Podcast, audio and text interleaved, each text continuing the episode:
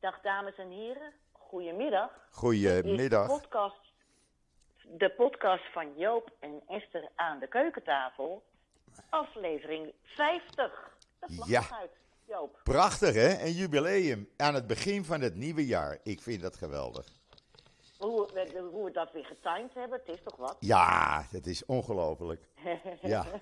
En wat ik zo leuk vind, Esther, dat we. Ik krijg altijd zoveel positieve reacties na onze podcast. Dat is zo leuk. Mensen vinden het erg leuk als wij met z'n tweeën even een uurtje kletsen. Nou, eh, we gaan ook de mensen het komend jaar niet in de steek laten en niet teleurstellen. Nee. We blijven doorgaan met eh, ook eh, weer een aantal afleveringen in dit nieuwe jaar. Ja, elke twee weken aan die keukentafel, want er gebeurt van alles en nog wat in het gekke landje hier. Ja, wij hadden al, eh, wij waren natuurlijk twee weken niet uitgekomen hè, met het NIW, winterstop. En eh, ik had vijf pagina's Varia nodig. Nou, eigenlijk niet eens. Eh, ik had er wel meer nodig, maar ja, ik had niet meer ruimte. En ik had vier pagina's met allemaal foto's ook van, van over heel Nederland. Ehm, over eh, eh, de Chanukka-lichtjes Ja. door het hele land. Zag er leuk uit. Nou, en toen moest ik ook nog het, eh, de rest van het nieuws melden. Dus het was proppen deze week. Ja, ik zag het. Het was proppen. Ik zag Twee het. pagina's Israël natuurlijk. En eh, nou ja, dat eh, mag jij natuurlijk allemaal vertellen. Want eh, er gebeurt nogal wat in dat landje van je. Oh, het is verschrikkelijk. Eh, het zat er allemaal aan te komen natuurlijk. We hebben natuurlijk eerst van de week, eh, dat heb je meegemaakt, meneer Benkwier gehad. Die het nodig vond om dinsdagmorgen over de Tempelberg te lopen. Nu zeg ik heel duidelijk, iedereen mag van mij over die Tempelberg lopen. Ook al willen de rabbijnen het niet, want die vinden het te heilig om er te lopen. Ja. Maar Ja, goed. het is het, het, het- het- maar het is de intentie, Joop. Het, is de intentie. waarmee hij het deed. Juist, Hij, hij wil Provoceren. provoceren. provoceren. Ja. En dat is hem gelukt. Hij heeft aangetoond dat Netanyahu, waar hij maandagavond nog eh, op kantoor was, eh, kon hem niet eh, overtuigen om het uit te stellen. Hij beloofde dan wel aan Netanyahu van nou, ik stel het een paar weken uit. Maar eh, de volgende morgen liep hij over de Tempelberg. Want dat had meneer ja, ik denk toch georganiseerd. dat Netanyahu...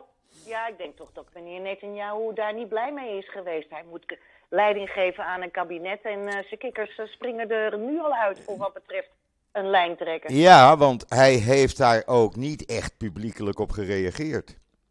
Dat, dat viel mij op. Hij heeft er niet publiekelijk op gereageerd.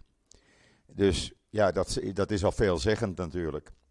En meneer Benkwier heeft aangekondigd dat hij binnenkort met een grotere provocatie gaat komen. Dus we wachten het af. En eh, we zien. eh, Enig idee zou dat Hebron kunnen zijn? het zou, eh, hij woont daar vlakbij, dus het zou best kunnen. Ja. Het zou best Ja. kunnen. Het kan ook, eh, het kan, ook zijn, kan ook zijn dat hij toestemming gaat geven om dat lammetje te slachten met Pesach. Op de Tempelberg. Oh, mijn hemel. Ja, dan, dan breekt echt de hel los. Oh. Dus eh, met Benkwier, de man is een eh, ongeleid projectiel, om het zo maar te noemen. En die gaat zijn eigen gang. En hij is minister van? Nationale veiligheid. Ik bedoel maar. Ja, dat bedoel ik. De politie valt onder hem. Hij heeft het voor elkaar gekregen dat de grenspolitie op de Westbank onder hem valt. Nou, samen met zijn vriendje, de minister eh, van Financiën, Smotrich, eh, hebben zij de zeggenschap over alles wat gebeurt op de eh, Westbank. Dat betekent dat eh, alle illegale nederzettingen gelegaliseerd worden. Daar heeft, Gezeerd worden? Ja. heeft Amerika al van gezegd: doe dat niet, haal dat uit je hoofd. Nou, dat doen ze toch. Eh, er komen nieuwe nederzettingen bij. Nou ja, het wordt één grote eh, zenuwtoestand, laten we het zo maar noemen. Want er gaat gewoon de verkeerde kant uit. ja. En ja, dan hebben we onder. Ook internationaal. Internationaal. Ja, want, isolement. Ja. Vanmiddag eh, buigt de Veiligheidsraad zich erover. Mhm. Dus Ja. ze zijn nog niet koud een, eh, een week eh, in functie. En de Veiligheidsraad uh, komt alweer bij elkaar over Israël. Ja, en, en ze willen naar het, uh, het uh, gerechtshof in Den Haag, het internationaal gerechtshof, stappen. Dat gaat ook gebeuren, ja. Dat heeft de Veiligheidsraad in al zijn wijsheid besloten. Waarom dat nu moet. Nu helemaal, want ja, het is koren op de molen natuurlijk van iedereen ja. die Israël bij het internationale gerechtshof wil hebben. Ja, en het is natuurlijk ook koren op de molen van de extremistisch denkende Israëli's. Want die hebben zoiets van, moet je horen of we het nou goed doen en of we nou ons netjes gedragen of niet. We krijgen toch wel om onze oren, dus wat maakt het ons uit? We gaan, gewoon, we gaan, we gaan er gewoon mee aan de slag. Het e de enige organisaties en instanties die nog enige invloed zouden kunnen hebben is A, de Amerikaanse regering. En uh, B, de grote Joodse organisaties als de Jewish Agency, Karen Hayasot, de Conference of Presidents, hè, die grote clubs. Ja. Maar daar, die hebben al gewaarschuwd en daar trekken ze dus zich blijkelijk ook niks van aan. Nee, precies. Want alle grootste Joodse organisaties, de zes grootste in Amerika, hebben een brandbrief gestuurd van de week. Van haal dat allemaal niet in ja. je hoofd. Ja, nou ja, ja ze doen het ze toch. Doen het toch. Ja. Ja. ja, Smotterig en Benkwier zijn niet welkom in Amerika. Nee, en dat alles om. om uh, en dit gebeurt allemaal, dames en heren, alleen maar om Netanyahu uit het bak te houden. Dat is de enige reden. En gisteren is ook naar buiten gekomen dat eindelijk het Israëlische publiek wakker begint te worden. Want ruim 60% vindt volgens een peiling van het Israel Democratic Institute, dat is uh, echt een, aan, een zeer vooraanstaand onderzoek, uh, ja. onderzoeksbureau ja. hier. Ja. Daar blijkt dat ruim 60% vindt dat Netanyahu fout gehandeld heeft tijdens de coalitieonderhandelingen. Te veel toegegeven. En 70% van de Israëli's is bang dat hun levensstijl gaat worden aangetast. Dus de manier waarop men leeft. Dat betekent de invloed van de ultra-orthodoxe partijen op het regeringsbeleid. En dat daar dus uh, ja, bepaalde regels gaan gelden, bijvoorbeeld op Shabbat en vrijdagavond. En dat wil men natuurlijk en wat niet. Is er voor nodig, en wat is er voor nodig voor die 70% om de straat op te gaan? Uh, ik denk dat dat binnenkort gaat gebeuren.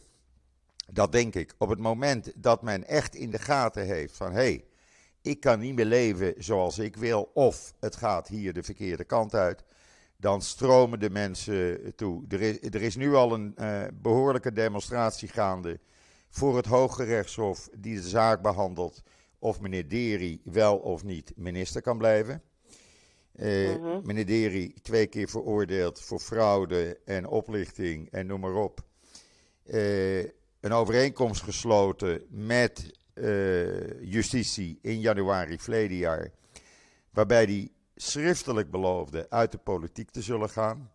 In ruil voor een voorlopige gevangenisstraf. Meneer Deri komt gewoon weer in de politiek en zegt: Nou, word ik minister. Want Netanyahu vindt dat deze regering niet kan functioneren zonder Deri als minister. Hoe vind je die? Ja, ja. Dus ja, uh, uh, praat het over dat Hoge Rechtshof. Uh, gisteravond op alle drie de journaals heeft de minister van Justitie, Levin, uh, waarbij ik moet vermelden dat Levin, uh, die noem ik de loopjongen van Netanyahu, de tassendrager. En als dank mocht hij dus minister van Justitie worden, omdat meneer Levin al twintig jaar met het plan rondloopt om het Hoge Rechtshof te laten verdwijnen. Ja. Uh, nou ja, te laten verdwijnen. De, de, de, uh, ze mogen zich niet meer mengen met de politiek. Dat betekent, kijk, wij hebben hier geen Eerste Kamer. En we hebben nee, geen. En jullie hebben ook geen grondwet. En we hebben geen grondwet. Ja. ja. En het Hoge Rechtshof ja. is de enige instantie in Israël die beslissingen van de Knesset uh, checkt, controleert. Of dat nou wetten zijn of, of andere resoluties. Dat wordt getoetst door het Hoge Rechtshof. Er zijn in die 75 jaar dat Israël bestaat, slechts, slechts 22 wetten afgewezen door het Hoge Rechtshof. Dus dat is niets. Dat is echt Mhm. bijna niets in 75 jaar. Maar eh, Likud vindt het nodig, samen met eh, rechts, extreem rechts, dat eh, het Hoge Rechtshof eh, zich niet meer bemoeit. Dat betekent dat als het, eh, de Knesset met een wet komt die bijvoorbeeld de mensenrechten aantast, dan wordt die wet gewoon aangenomen, want niemand kan hem toetsen of afwijzen. Terugdraaien. Ja, Dat kan niet. Ja, ja. Dus dit neigt, dit neigt richting dictatuur. Men vergelijkt het hier al met de situatie in bijvoorbeeld Hongarije, waar de president alles bepaalt en Ja. het parlement er voor spek en bonen bij zit. Nou, dat krijg je hier dan ook. Hier wordt het dan andersom. Hier gaat het parlement alles bepalen en de president zit er voor spek en bonen bij.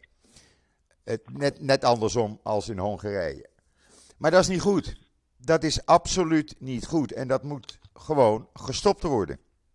Dit kan niet. Dit kan niet.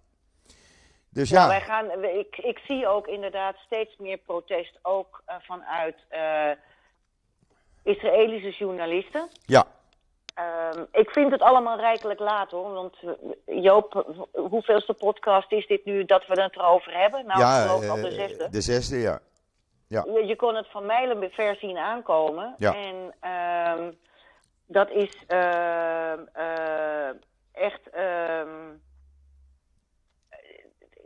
Ik, ik snap niet dat de eh, reacties allemaal zo laat op gang komen. Nou, ik, ik snap het wel, enigszins. Het, het stelt mij teleur, maar ik snap het wel. Men is een beetje murf door die hele politiek. Iedereen is murf geslagen. Met zoveel verkiezingen, zoveel toestanden eh, in de afgelopen eh, drie jaar. Dat iedereen heeft zoiets van, eh, doei, bekijken jullie het maar. Ja, en nu is het te laat. je kunt, we- weet je, Joop, dat begrijp ik. Ik geloof dat het de vierde of de vijfde verkiezingen waren in drie jaar of De zo. vijfde, Ik heb het vijfde. Ja, precies. Eh, dat begrijp ik allemaal. Eh, maar ehm, je kunt je het niet veroorloven Nee, om murf te zijn. nee. Ik heb het ook. Ik heb, ik heb schatten van Israëlische buurtjes hier eh, bij mij in het pand wonen. Die zijn sinds kort komen wonen. Hoog opgeleid, zeer hoog opgeleid. één professor. En ze hebben niet gestemd. Ja, nou, dat bedoel en ik. dan denk ik, ja, jongens, maar dan. eh, en als intussen in iedere eh, orthodoxe synagoge wordt opgeroepen: ga alsjeblieft stemmen, ga alsjeblieft stemmen. Ja, dan, dan krijg je dus dit soort excessen. Dit is er gebeurd. Dus- Wie er gestemd hebben, is extreem rechts geweest en ultra-orthodox. Precies. Precies. En de anderen denken het zal mijn tijd wel duren. Nou jongens, als je houdt van het vrije Tel Aviv en eh, van eh, de, de, de Tel Aviv bubbel en je kunt zo meteen niet meer auto rijden en de, de, de hele zaak ligt plat en zoals we het steeds noemen, dat jij niet, niet meer in je strandtentje op Shabbat een kopje koffie kan gaan drinken. Dan i- grijpt het recht in op je dagelijks leven. En Ja. ik begrijp niet dat mensen dat niet hebben ingezien. Dan kun je murf zijn wat je wil. Maar eh, eh, weet je, wat is het ook alweer? Het tegenovergestelde van liefde is niet haat, maar onverschilligheid. Nou, dat, dat is het juiste woord.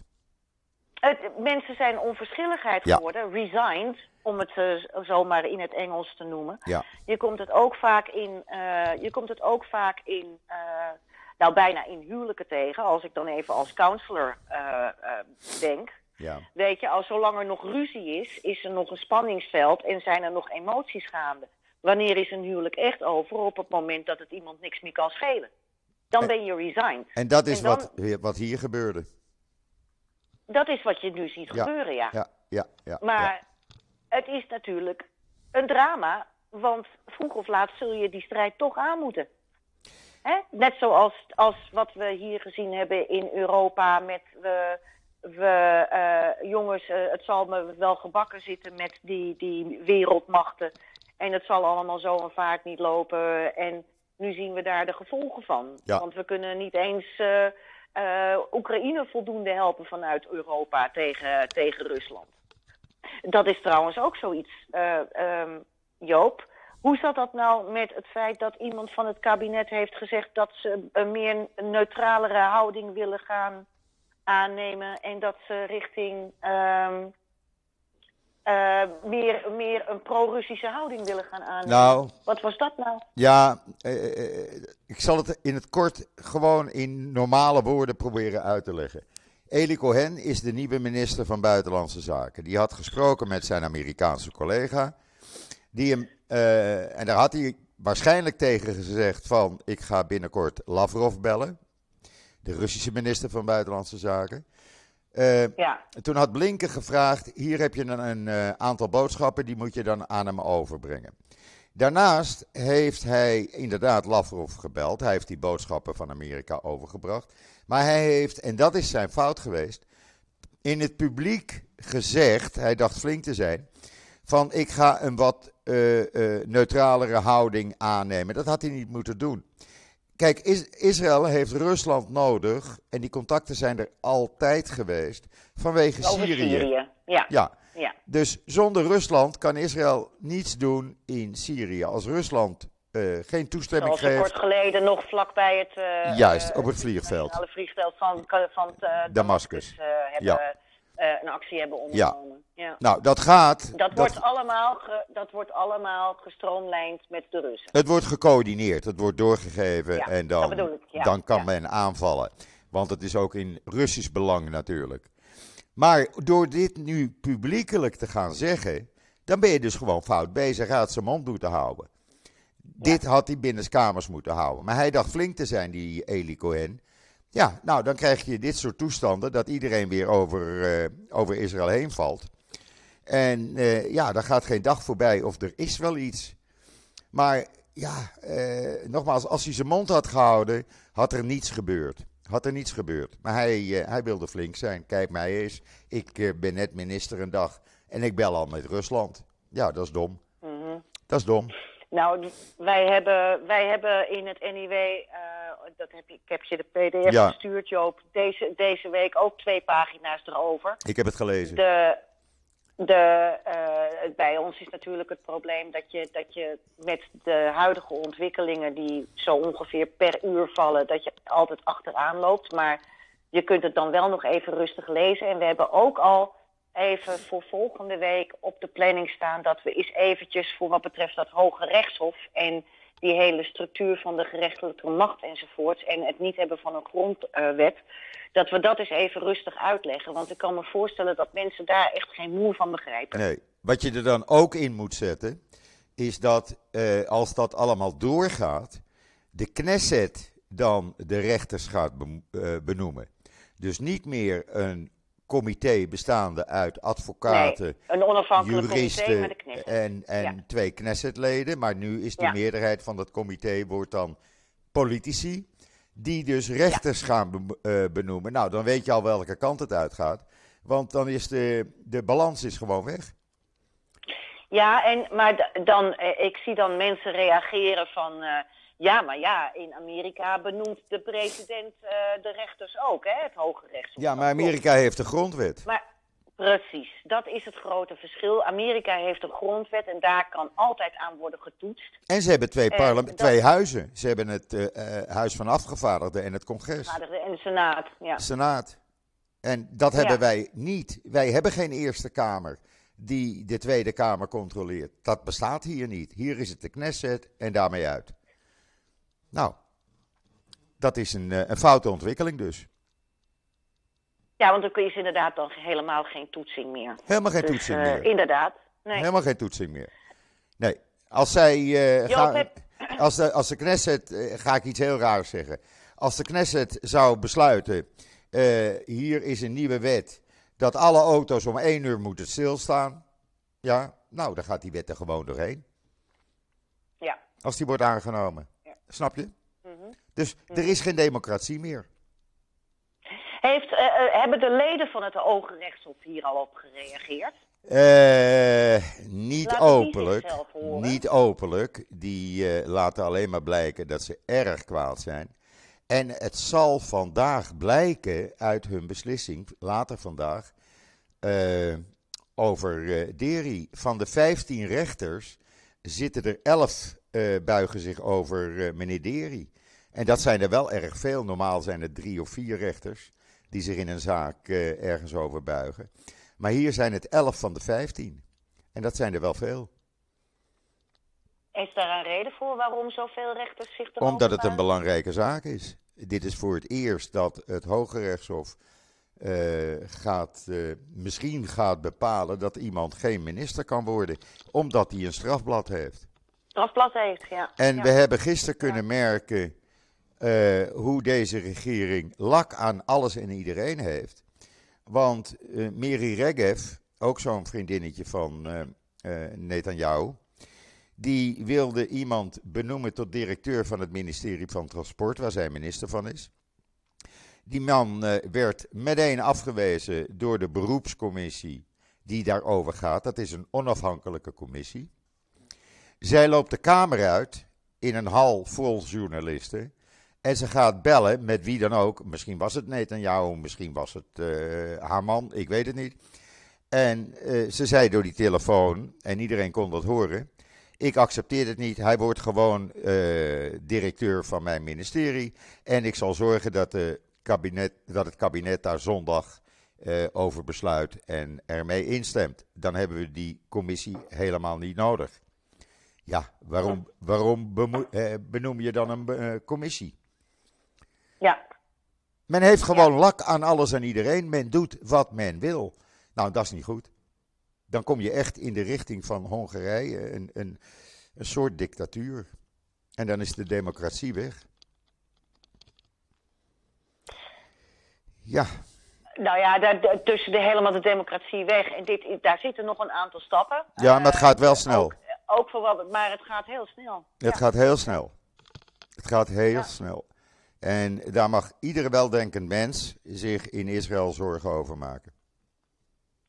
Jij uh, zei in de vorige podcast dat je dacht dat dit, uh, dat dit kabinet tot, niet, tot maart geen stand zou houden. Ja. Denk je daar nog steeds zo over? Nog steeds, ja. Ja. En waarom? Omdat je nu al ziet de oneenigheid binnen dat kabinet. Er wordt nu al. Oh, ben ik via die toch, die toch de Tempelberg op ja. terwijl uh, net een jou vraagt, doe dat nou niet. Ja, stel het even uit.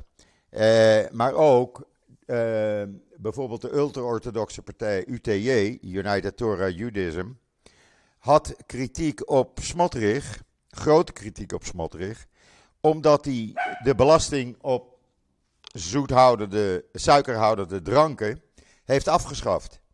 En die vielen meteen over hem heen. Dus ook daar is al ruzie. De belasting op suikerhoudende dranken is afgeschaft. Ja, dat was de eerste wat, beslissing wat hij deed. Wat, dat de Verenigd Jodendom, uh, waarom uh, waren die daarop tegen?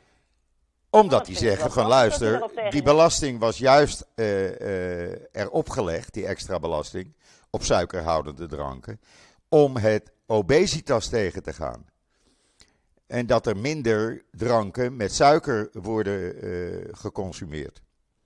Ja. Want dat is een groot probleem in Israël. Maar hij ja. vond dat nodig in zijn wijsheid, om, want dan dacht hij van nou, dan help ik de orthodoxe fam, families ermee. Maar daar zijn ze helemaal niet blij mee, de rabbijnen. Wat een zootje. Ja, hij heeft ook, hij heeft ook uh, uh, uh, afgeschaft de extra milieubelasting op plastic eetgerei. Kopjes, schoteltjes, borden, messen, vorken, noem maar op. Die veel door. de openbare parken. Ja, die door de orthodoxe families worden gebruikt op Shabbat en Joodse ja, feestdagen. Want en Pesach en ja. men wil niet uh, na Shabbat uh, met een grote afwas zitten. Dus dit is veel Ja. makkelijker. Nou, de, uh, vanuit milieuoogpunt heeft men die belasting erop gegooid. Dan wordt er minder gekocht. Uh, en hij, uh, hij was nog niet een half uur in functie en hij schafte dat af. Dus de stranden, de parken, uh, de straten zullen binnenkort weer vol met Ja. plastic liggen. Ja, en je hebt al in bepaalde gebieden in Israël ongelooflijk veel zwerfvuil.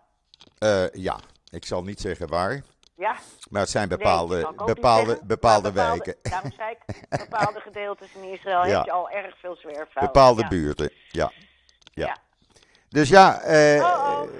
En, en er was vanmorgen een eh rabbijn, of gisteravond een rabbijn, een belangrijke rabbijn, die ook publiekelijk op de radio zei van, dat hij het niet eens was met Smotrich eh, over het afschaffen van die belastingen. Dus er zijn ook rabbijnen die begrijpen waarom het gebeurt. Maar ja, eh, het is Die gebeurd. begrijpen waarom het gebeurt? Ja, waarom die belasting erop zit. Op plastic eetgerij en op suikerhoudende Oh, dranken. die, juist, oké.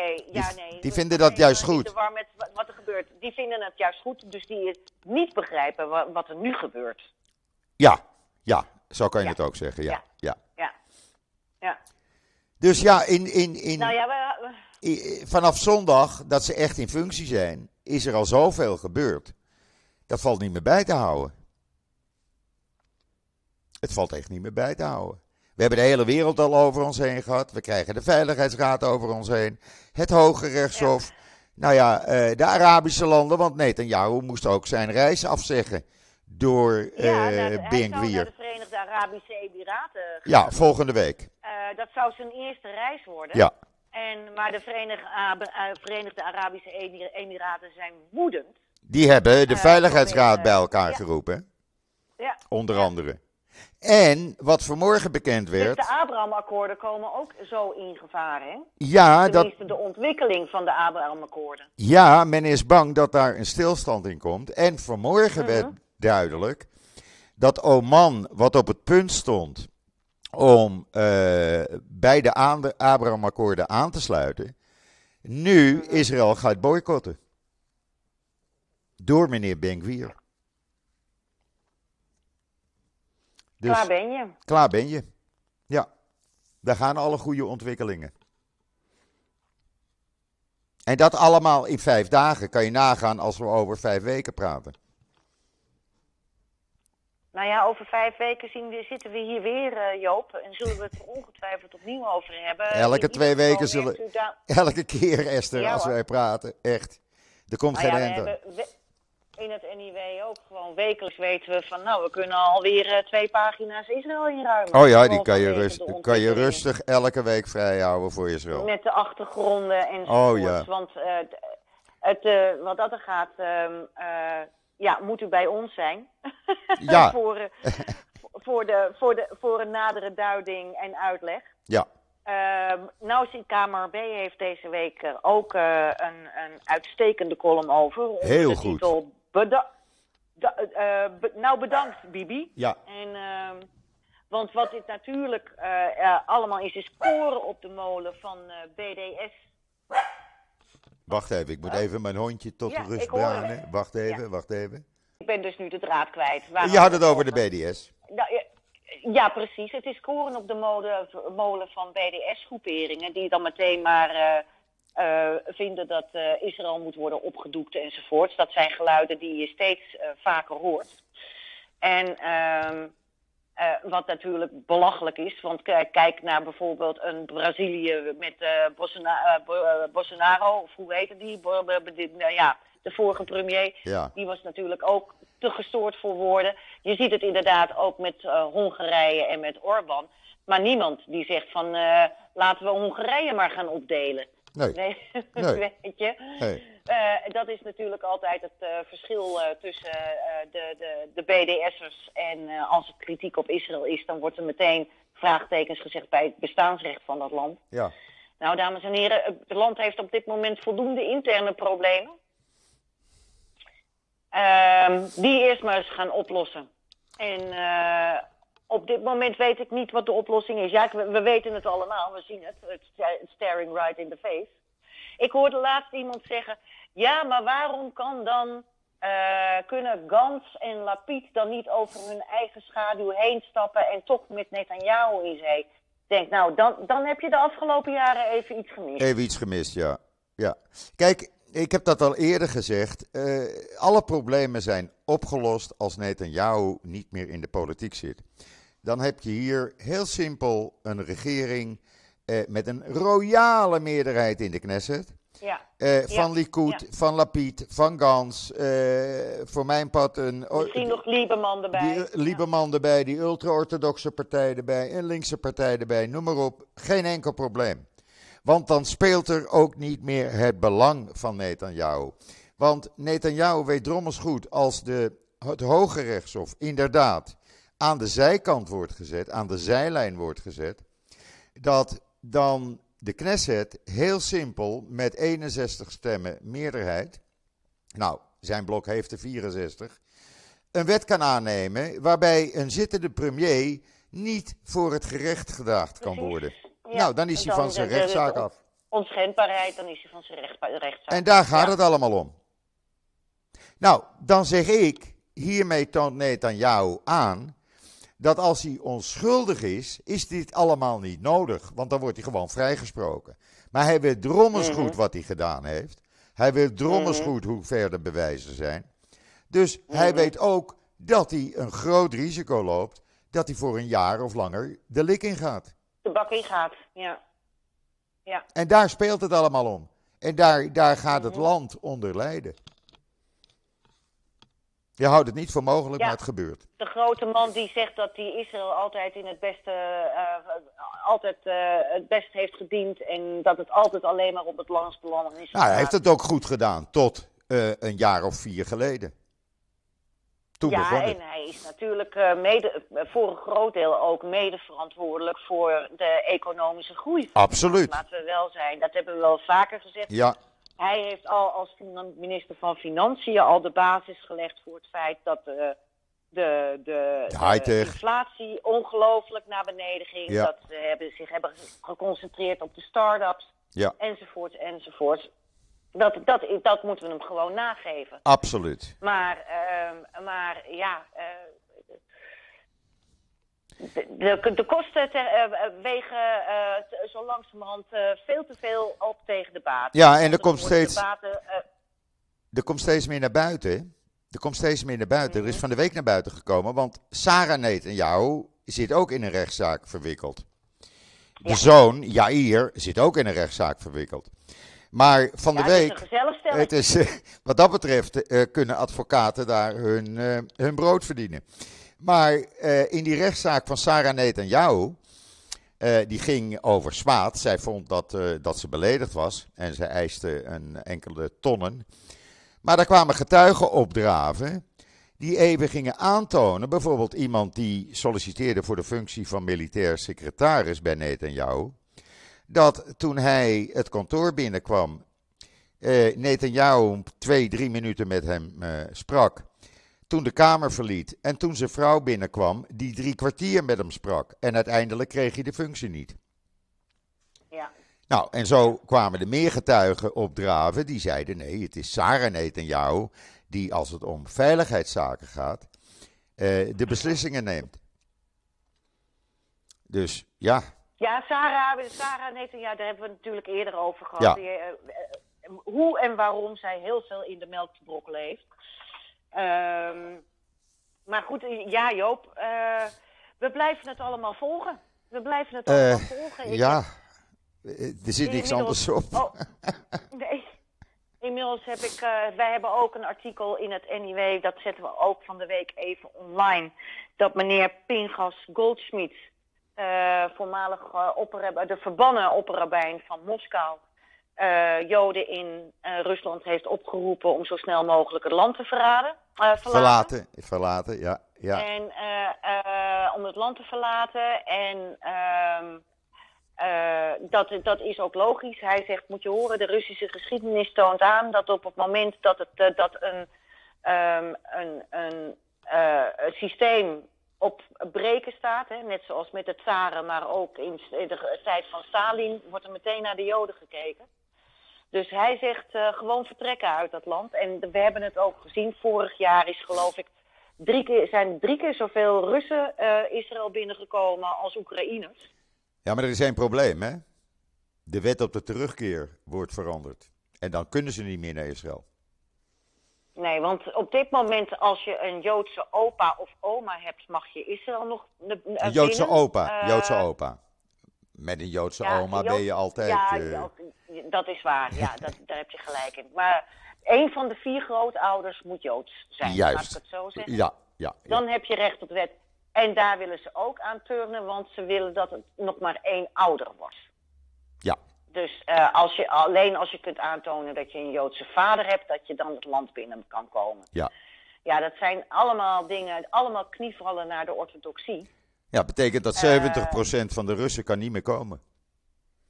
Nee, die, zich nu nog, eh, die nu nog naar Israël zouden willen. Van de Oekraïners trouwens ook. Van de. Oekraïners ook. Maar Ik eigenlijk heb, van eh, iedereen, want er zijn ongeveer 3 miljoen Joden in de wereld die op dit moment recht hebben om eh, zich in Israël te vestigen en die bij verandering van die wet op terugkeer niet meer naar Israël kunnen. Geen aanspraak daar meer op kunnen maken. Nee. Ja. 3 miljoen. En als dan zo... En als, als dan zometeen het liberaal jodendom ook nog eh, aan de kant wordt gezet, nou dan hou je echt alleen maar de orthodoxie op. Dat is de volgende stap. Ja. En de orthodoxie heeft in 2030, 2030, dus zeg maar zeven jaar vanaf nu, zal de orthodoxie 17% van de bevolking in Israël uitmaken. Zo weinig. Maar ze, dat hebben, het. Ja. ze hebben dan wel de macht. Ja, precies. Ja, Precies. Het, Het is, is- onvoorstelbaar het is dat van de zo'n zotte. minderheid zo, zo een enorm eh, inbreuk kan doen op, eh, op het leven van eh, seculier of eh, eh, traditioneel levende Joden. Nou, ik zou je eerlijk Ongelooflijk. zeggen, ik heb het al een paar keer in mijn eigen podcast gezegd. Ik zal mijn leven niet laten bepalen door een of andere rabbijn. Echt niet. Ja, Die gaat dat, mij eh, niet vertellen hoe ik moet leven. En ik denk dat een meerderheid van de Israëlische bevolking er zo over denkt. Echt. Men laat story, Joop. ja, men laat zich dat ritje op vrijdagavond naar familie of vrienden om lekker te eten en te kletsen niet ontnemen. Echt niet. Echt niet. Als ik morgenavond naar een van de kinderen ga, dan, dan sta ik gewoon in de file. Zowel op de heenweg als Ja. op de terugweg. Ja, want ik, wat ik altijd zeg, de ene helft van Israël gaat bij de andere helft op, op visite. Dat mag Ja. daar niet meer. Nou, dat laten de Israëli's zich echt niet ontnemen. Echt niet. Dan heb je hier een opstand. Joop, we laten Israël even voor wat het is. Ga met Nederland verder, want er staat genoeg leuke Even- dingen in het NIW. Heb ik gezien. Ja, nou ja, natuurlijk een follow-up over het eh, plan van de NIAS Amsterdam om een eh, heel groot nieuw eh, JCC, Joods Cultureel Centrum, neer te gaan zetten. Ja, want het oude moet weg, Eh, hè? Begrijp ik. Nou, het oude, het oude is echt, eh, het is weliswaar een eh, monument, Ja. maar het, is, eh, het, het, het beantwoordt totaal niet meer aan de hedendaagse eisen. En Aha. Zeker met de gigantische energieprijzen die we hier in Nederland hebben. Het vliegt daar, het tocht, het, het, het vliegt daar echt door de ramen, de enkelglazige ramen, de deur uit. Oh, dat gaat lekker. Ik begrijp, ik, ik begrijp dat ze een alternatief willen zoeken voor het JCC. Dat begrijp ik. Maar de manier waarop, daar stellen heel veel mensen vraagtekens bij. Ehm, en eh, ik heb daar natuurlijk in het laatste NIW al de nodige aandacht aan eh, besteed. En eh, deze keer ook een follow-up, want er zijn wat antwoorden op vragen zoals het NIW of bezorgde leden van de NIS, zoals ze die hebben neergelegd bij het NIW, ook vragen over hadden. Die zijn voor een deel beantwoord, maar daar komen vanuit die antwoorden komen weer een heleboel andere vragen op. Och jee. Dus ehm, we gaan het zien. Ik heb in ieder geval ook met Ganan Hetsbergen gesproken. Ganan Hetsbergen is niet alleen voorzitter van het CEO, een Centraal Joods Overleg, maar hij is ook voorzitter van de Raad van Toezicht van de NIAS. En het plan ligt nu bij de Raad van Toezicht, maar die eh, vindt het te duur. Dus die zegt: ga maar weer in overleg met de projectontwikkelaar. Eh, nou ja, wij vinden sowieso als, als, als gewoon als objectief persoon die er naar kijkt, dat een heleboel van de cijfers die worden gepresenteerd rammelen. En ehm, nou ja, dit, is ook een continuing story. Kijk, het, het- het punt is natuurlijk ook, eh, de NIAS eh, loopt leeg. Ja.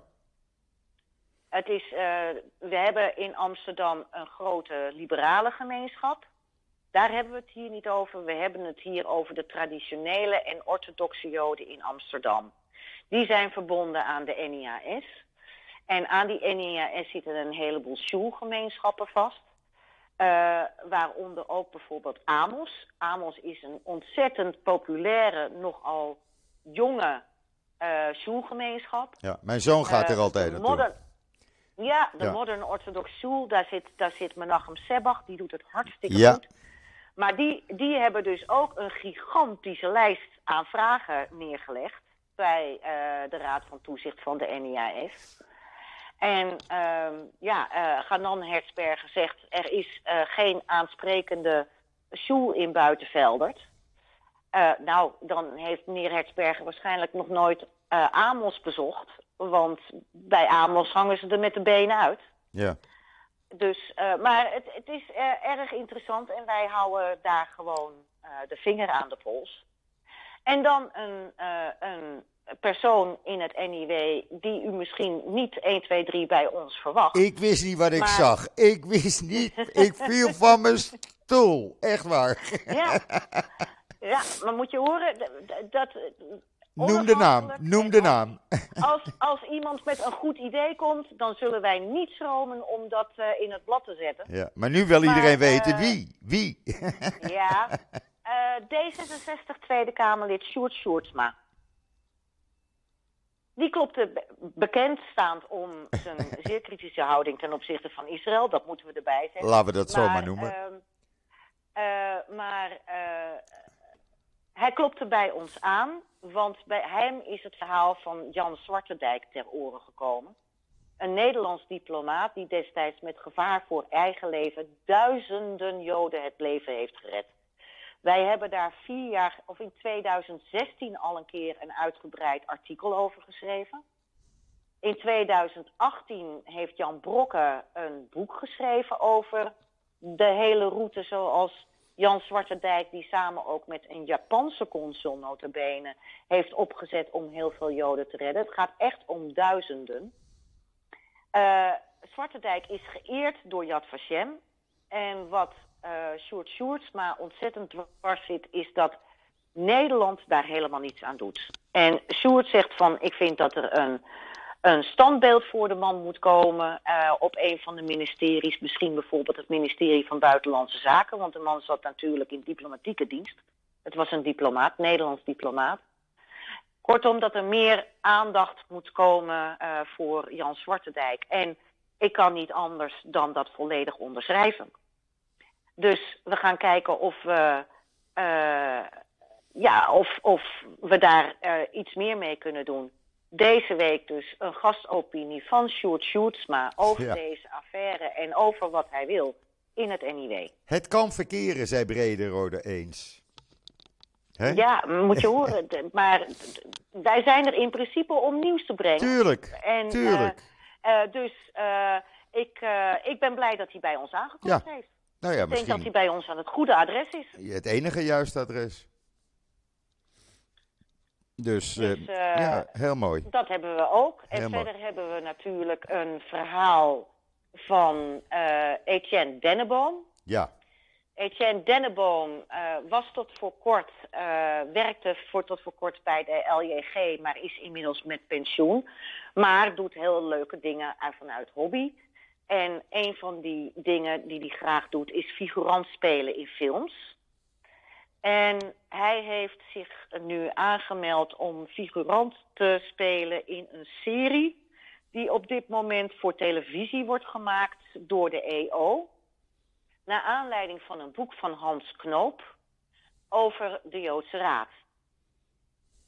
En uh, Etienne heeft dus uh, vijf dagen in de bittere kou, het was juist in die periode dat het hier zo verschrikkelijk voor, heeft hij meegelopen met opname van die serie. Hoe die serie er verder uit gaat zien, weten we niet.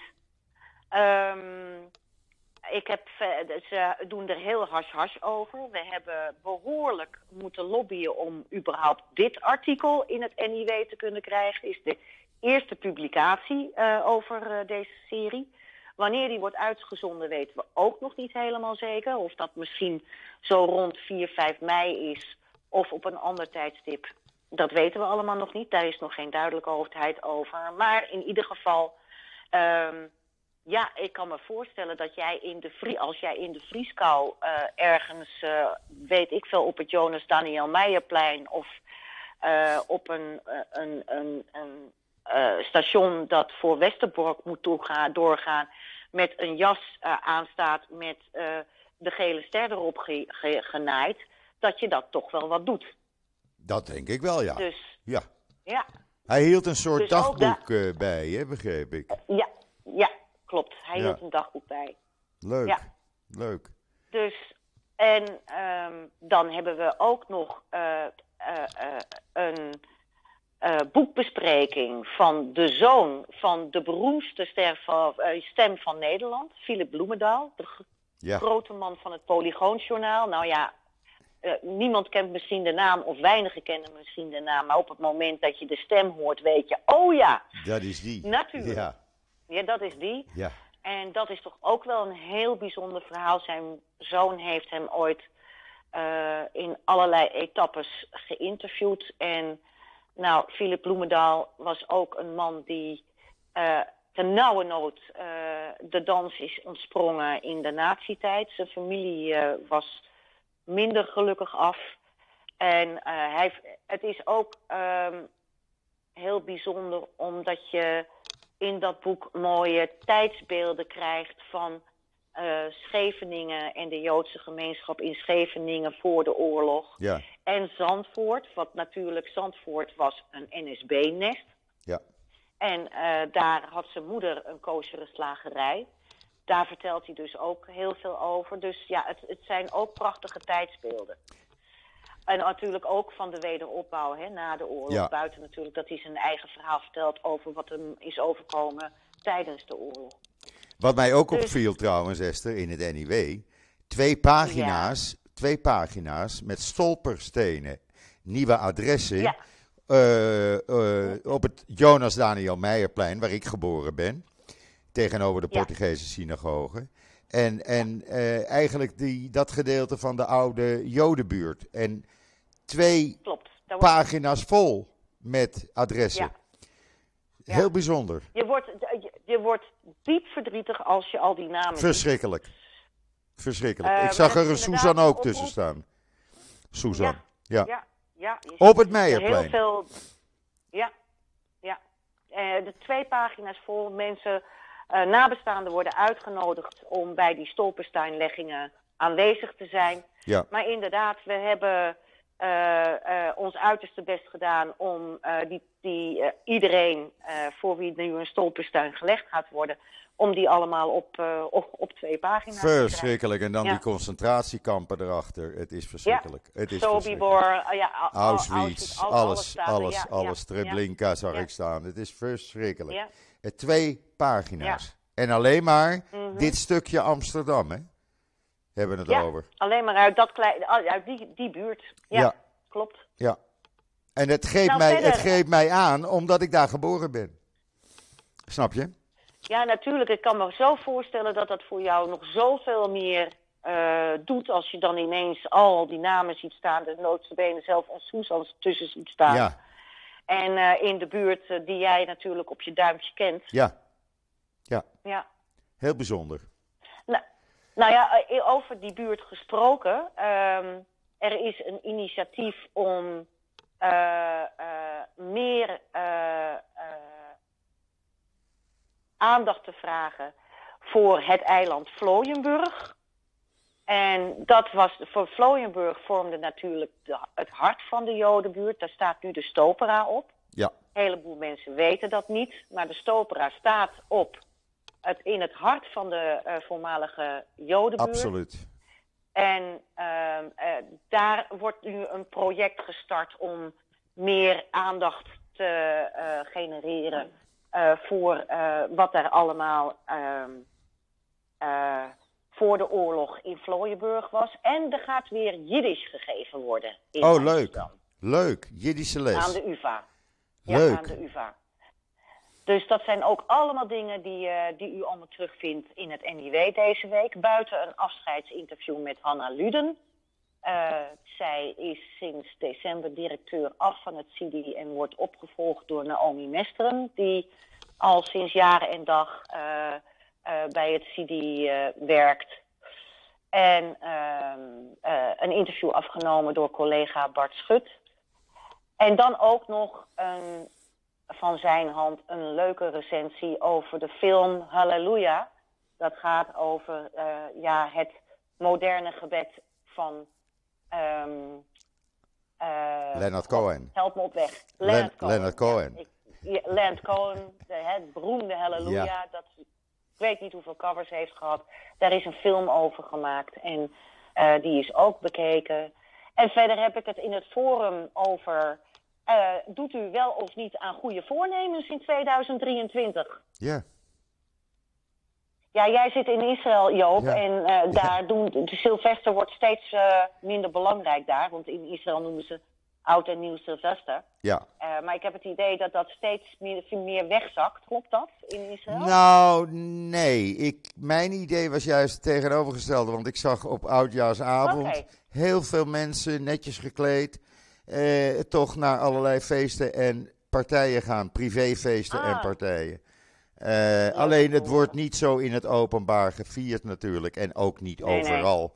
Nee. Het is voornamelijk in zeg maar de Tel Aviv area, Haifa. Uh, nou ja, dat soort gebieden. Maar niet in, in Jeruzalem natuurlijk. Of Benai Barak. Daar, uh, nee, nee, nee, dat begrijp ik. Ja, dat maar nee, het viel mij op. Maar vergeet niet, de mensen moeten de volgende dag gewoon weer werken hier. Werken, ja. En het was natuurlijk op een zondag. Het was op een zondag, dus, uh, de eerste werkdag van de week. Of zaterdag, ja, zaterdag. Ja, maar zondag was 1 januari. Ja, ja, zondag was 1 januari, ja. dat klopt. Ja. Dus, uh, maar er was ook heel af en toe wat vuurwerk. Zag ik ook. Oh ja, ja werkelijk? Tenminste bij mij in de buurt, hè. Ik heb het over mijn buurtje. En, in, Waar ik woon. Netanya. Ja, in Netanya. Ja. En dan keek ik, uh, nou zeg maar die buurt, jij kent dat, uh, als je bij mij vanaf ja. het balkon kijkt, maar die huizen staan aan de overkant. Die laagbouw, daar kwam dus wat vuurwerk vandaan. Dus dat, ja. Uh, nou ja, dat zijn de jongeren die dat doen. Dus, maar voor de rest wordt er weinig aan gedaan. Dus ook geen vuurwerkslachtoffers. Nou ja, wij Joden hebben, hebben de mogelijkheid om twee keer uh, goede voornemens te hebben. Wij mogen er twee keer. Ja, september weer. Ja, precies. Ja, en eigenlijk mag je het uh, elke Shabbat. nou ja, precies. Maar dat is natuurlijk ook zo, die goede voornemens. Het is precies. een symbool. Het is een symbool. maar als jij uh, op een gegeven moment je leven wil veranderen, dan kun je dat op dit moment beslissen. Of met ingang van de volgende ochtend. Ja, maar als ik lees dus, in de uh, Nederlandse kranten de afgelopen dagen, uh, men zei de beste wensje. En uh, het volgende moment lag iemands hand eraf, of een vinger eraf, of oog beschadigd. Dan denk ik, nou, zo, zijn, zo best zijn die wensen er niet. Het He? is een drama hier. Het is verschrikkelijk. Hier. Een ouderwetse horror nog. Ja, ja. ja. ja. En dan heb je, hebben we het niet eens over de milieuvervuiling, want ik hoorde gisteren op de Nederlandse radio dat het gelijk staat aan 700.000 auto's. Nou, ja, goed en, toch? En, dat, en, en je, kijk, ik wilde heel graag uh, naar uh, dierbaren om oud en nieuw te vieren, maar ik zit met een katje. Ja. En dat arme beest, dat, dat, dat schrikt zich dan zo rot van Tuurlijk. de knallen. Dat, uh, ik denk, ik blijf thuis, want groot denk, mijn eerste verantwoordelijkheid is, is dat diertje. Ja, groot dus, gelijk. Uh, die zat met grote ogen op, bij mij op de bank aan mijn voeten, constant ja. naar die knallen te luisteren. Ja. Echt zo van, wat is hier aan de hand? Ja. En je merkt dan wel dat als jij rustig blijft, zo'n beestje ook rustiger is. Maar je gaat zo'n beestje niet alleen laten. Nee, dan wordt hij gek. Dat ga je dus gewoon niet doen. Nee, dan ja. wordt hij gek. Je neemt de verantwoording. Nou, dan moet je ook die verantwoording nemen. Precies, dan zijn ja. dat de consequenties. Precies. Ja. Esther, ik Joop, zie dat wij. alweer 55 uur minuten te, te, te we, hebben dus, we wilden hetzelfde zeggen op hetzelfde moment, hoe vind je die? we moesten er maar een eind aan breien. Hè? Ja, ja, ik had gisteren iemand die mij uh, bijna, ja, eigenlijk elke avond uh, even een, uh, een antwoord geeft via Messenger, ingesproken voicemail eh, over de podcast die ik dan maak. En die zegt, nou Joop, ik denk dat ik morgen eh, moet ik mijn auto aan de kant zetten om jullie podcast in zijn geheel in één keer te kunnen luisteren. Want ik weet Nou, nu al dat jullie weer naar een uur toe gaan. dat ik wel leuk. blik. Dat vond ik wel leuk. Ja, mensen weten al precies hoe het zit. geweldig, geweldig. Heel leuk. Oké Esther, dan, eh, dan gaan we er een eind aan breien. Ik wens eh, iedereen een fantastisch weekend. En Shabbat Shalom alvast. Jij ook. Jij ook, Shabbat Shalom. Dankjewel. En, eh, als er niet eh, hele idiote dingen gebeuren in Israël, dan zijn we er over twee weken weer. En anders, als, Breken we in. als er echt rare dingen gebeuren, dan breken we in. Dan Doen we absoluut. krijgt u het eerder te horen. Ja. En dat laten wij dan ook van tevoren weten. Zeker weten. Zeker weten. Yes? Oké Esther, een Shabbat heel fijn weekend. iedereen. Shabbat Fijn shalom. weekend. En ook voor jou, Joop. Oké, dankjewel. Bye. Bye. Bye.